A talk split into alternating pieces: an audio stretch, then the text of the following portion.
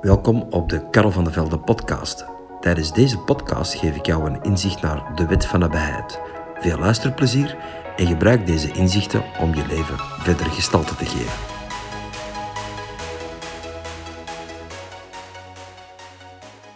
Wie bij de hond slaapt, krijgt de vlooien. Inderdaad, dat is een uh, oude gezegde.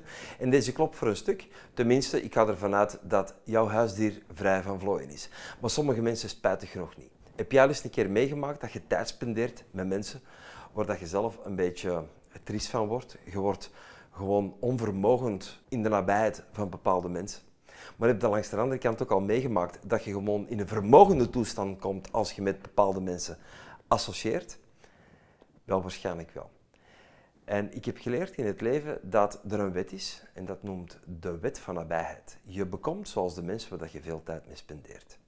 In het Engels noemt dat the law of proximity. Ik vind dat een geweldige benoeming. The law of proximity. De wet van nabijheid in het Nederlands. En deze is ook op jou van toepassing. In welke nabijheid ben jij? Met welke mensen ga jij regelmatig om? Wie zijn de mensen, de personen die jij frequenteert? In wie zijn nabijheid ben jij? En welke mensen zijn in jouw nabijheid?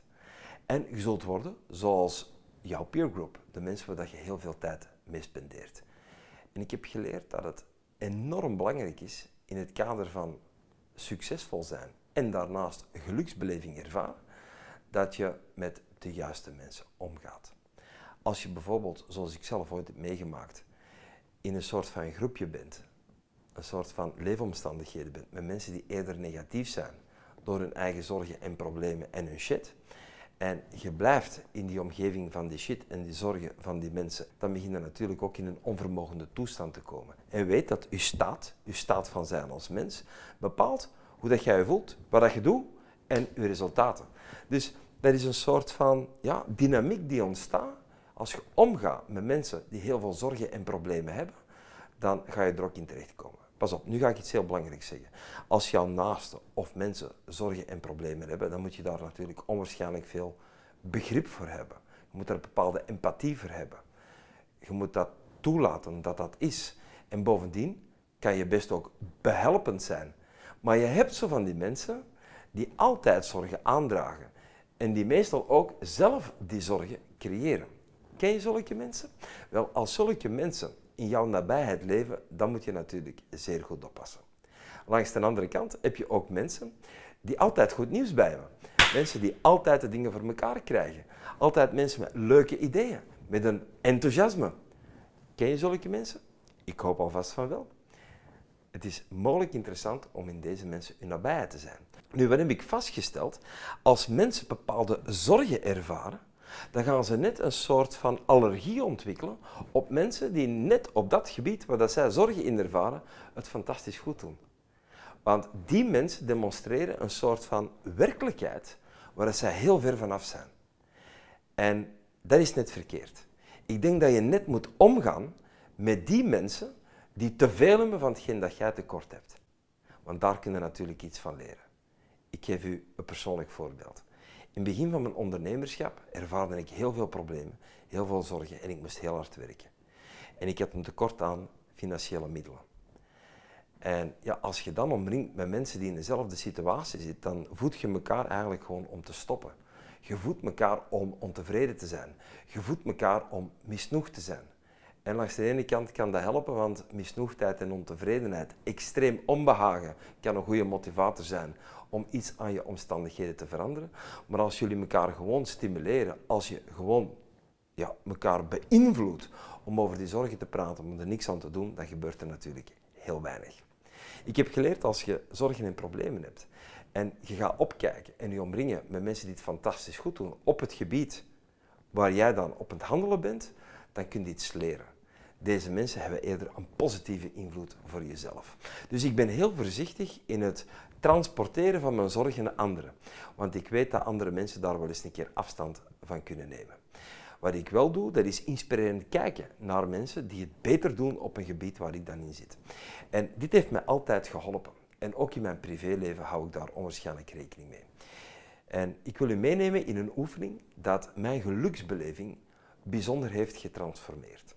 Nu, neem even een blad papier en een pen. Kom aan, doe dat even mee. Deze oefening gaat mogelijk uw leven positief beïnvloeden. Dus haal even een blad papier erbij en een pen, best een blanco blad, en leg dat even horizontaal voor je. Dus neem dit blad papier en trek drie belangrijke kolommen, zodanig dat je drie evenwijdige vlakken hebt op je blad papier.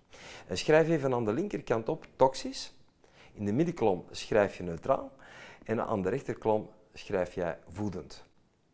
En onderaan je blad papier, daar moet je eens een keer alle namen opschrijven van de mensen die regelmatig passeren in hun leven. Met andere woorden, de mensen die dat jij opzoekt. Met andere woorden, de mensen die jou opzoeken.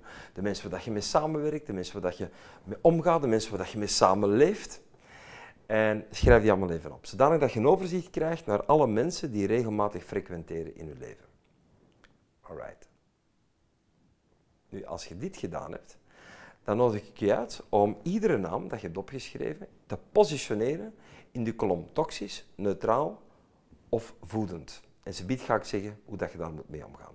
Dus ga nu eens een keer oordelen en ik vraag je om even te labelen. En je, mag, je mocht niet te veel labelen in het leven. Dat moet je absoluut niet doen. Maar nu tijdens deze oefening even wel. Dus positioneer even een naam van iemand die overwegend shit naar je toe brengt, eerder negatief geladen is, misnoegd in het leven staat, zacht, klacht en puft, meestal in jouw nabijheid. Dus deze naam mag je schrijven in de linkerkolom. Een persoon welke een neutrale invloed heeft, soms is positief, soms is negatief, die mag je perfect in de middenkolom schrijven. En pak ook weer eens een naam van iemand die overwegend positief is, ambitieus is, veel van het leven verwacht, een bepaalde plezierigheid bij heeft. Als je deze persoon ontmoet, schrijf die in de rechterkolom bij voedend. En ga zo al die namen eens een keer positioneren. Doe het gelijk even nu en druk terug op play als je klaar bent. Alright. Dus je hebt nu een schema en je hebt nu drie kolommen. En hopelijk staan er natuurlijk niet te veel mensen in de linkerkolom bij toxisch. Maar mogelijk staan er wel mensen in. Wat moet je daar nu mee doen? Wel, deze mensen moet je gewoon minder gaan zien. Die moet je minder opzoeken. In principe, als voor jou een vijver ligt met water en je weet dat deze vijver toxisch is, dat daar giftige stoffen in zitten, dan ga je daar geen duikje nemen. Je gaat daar niet in zwemmen. Dat is hetzelfde met mensen. Je moet niet zwemmen tussen de mensen die toxisch zijn, die negatief geladen zijn. Nu, begrijp me niet verkeerd. Hè? Als iemand een zorg of een probleem heeft vanuit je nabijheid, dan moet je daar absoluut behelpend voor openstaan.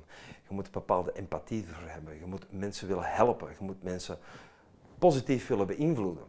Maar ik spreek nu specifiek over die mensen die een soort van levenspatroon van negativiteit hebben ontwikkeld. Die moet je mogelijk gaan mijden. Want je bekomt zoals de mensen die dat je veel gaat opzoeken. Je bekomt zoals de mensen waar je veel tijd mee spendeert. Nu, stel dat je zegt van, maar wacht Karel, dat is toch niet zo evident, want wat met mijn familie? Wel, hou van uw familie.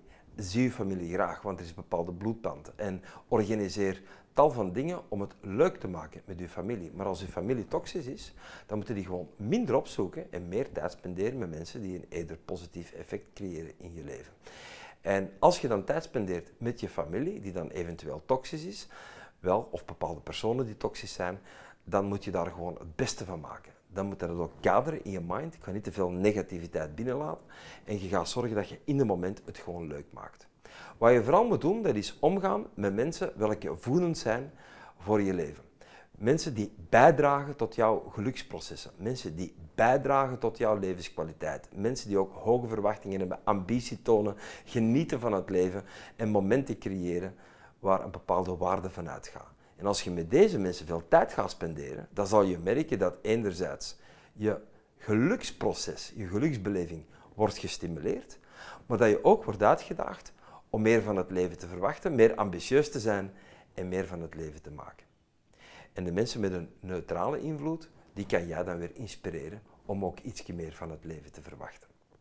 Nu, we gaan de oefening nog even verder zetten. Draai je blad even om en schrijf even gewoon de zin op, beter gezegd de vraag op, wie zijn mijn rolmodellen? Vraagteken. Doe het gelijk even nu. Schrijf dus op, wie zijn mijn rolmodellen? Schrijf dat even op en als je klaar bent, zetten we terug op play.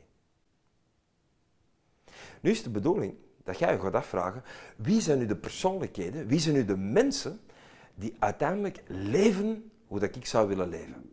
Wie zijn mijn voorbeelden? Wie zijn de mensen waar ik naar opkijk? Pas op, en sommige mensen kunnen nooit niet opkijken naar andere mensen. Maar ik heb wel geleerd dat toppresteerders altijd inspirerende voorbeelden hebben gehad. Altijd gezegd hebben van, hoe die persoon leeft, zo wil ik ook wel leven. Dus doe dat ook eens gelijk. Ga eens een aantal personen, namen van mensen opschrijven. En je moet deze mensen die persoonlijk kennen. Die mensen mogen, dat mogen zelf mythische figuren zijn, of dat mogen celebrities zijn. Het maakt niet uit. Wie zijn de mensen waar ik naar opkijk? Wie zijn de mensen welke een leidend, met een korte ei, voorbeeld zijn voor mijn persoon? Schrijf zo eens minstens drie namen op. Druk terug op play als je klaar bent. Alright. Nu, als je daarmee klaar bent, dan kun je ook weer gelijk de vraag stellen: hoe kan ik in de nabijheid van deze mensen komen? Want we weten natuurlijk dat mensen veel dichter bij elkaar staan dan dat we soms zelf denken. Ik ga je een simpel voorbeeld geven. Ooit werd ik gevraagd voor te spreken over ondernemerschap. Ooit werd ik gevraagd om een lezing te geven, maar ik had een panische angst voor te spreken in het openbaar.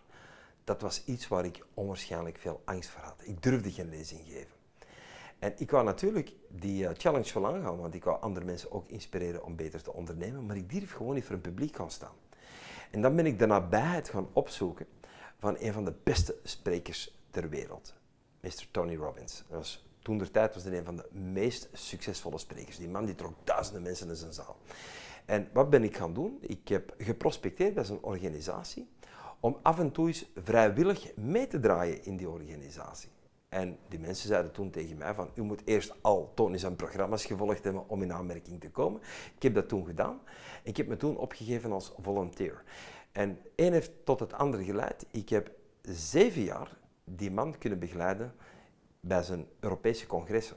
En ik kon leren in zijn nabijheid van hoe dat hij een publiek ging motiveren en inspireren bepaalde dingen te doen, welke een bijdrage waren voor hun levenskwaliteit. En dat stelt mij vandaag ook weer in staat om tienduizenden mensen te inspireren en motiveren om ook iets met je leven te doen. Ik heb geleerd van een grootmeester. Het heeft me geïnspireerd.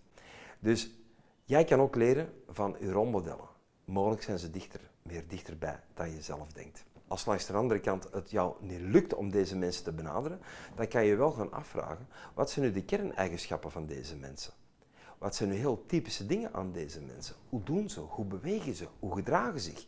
En dat kan je beginnen modelleren.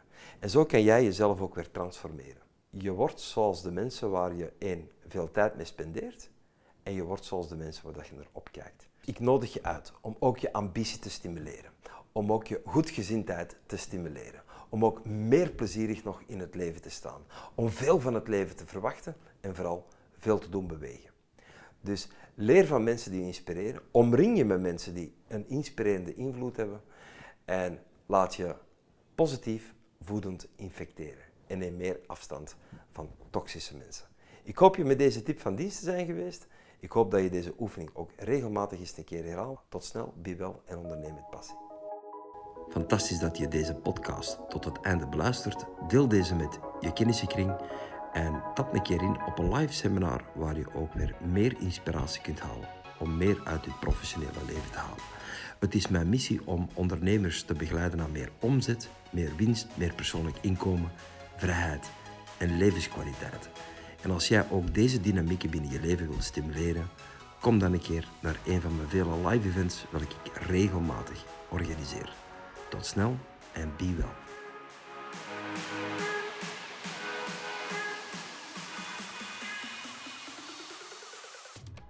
Ondernemers, bedrijfsleiders, CEO's, topsporters, politici, coaches en medewerkers van bedrijven haalden hun inspiratie bij Karel van de Velde. Karel doet al meer dan 25 jaar onderzoek naar toppresteerders die het winnend verschil beheersen. Hij ontdekte dat toppresteerders over gemeenschappelijke kernkwaliteiten beschikken die leiden tot succes. Het is zijn missie om mensen en organisaties te begeleiden naar een persoonlijke of zakelijke doorbraak. Hij is de oprichter en bezieler van het Karel van de Velde Training Instituut. En met deze organisatie verzorgt hij jaarlijks een honderdtal groeiseminars voor ondernemers. Hij is ook de auteur van twee bestsellers en een reeks educatieve video's. Wil jij ook meer en betere resultaten? Stel je dan open om kennis te ontvangen en ontdek welke mogelijkheden je nog hebt om te groeien.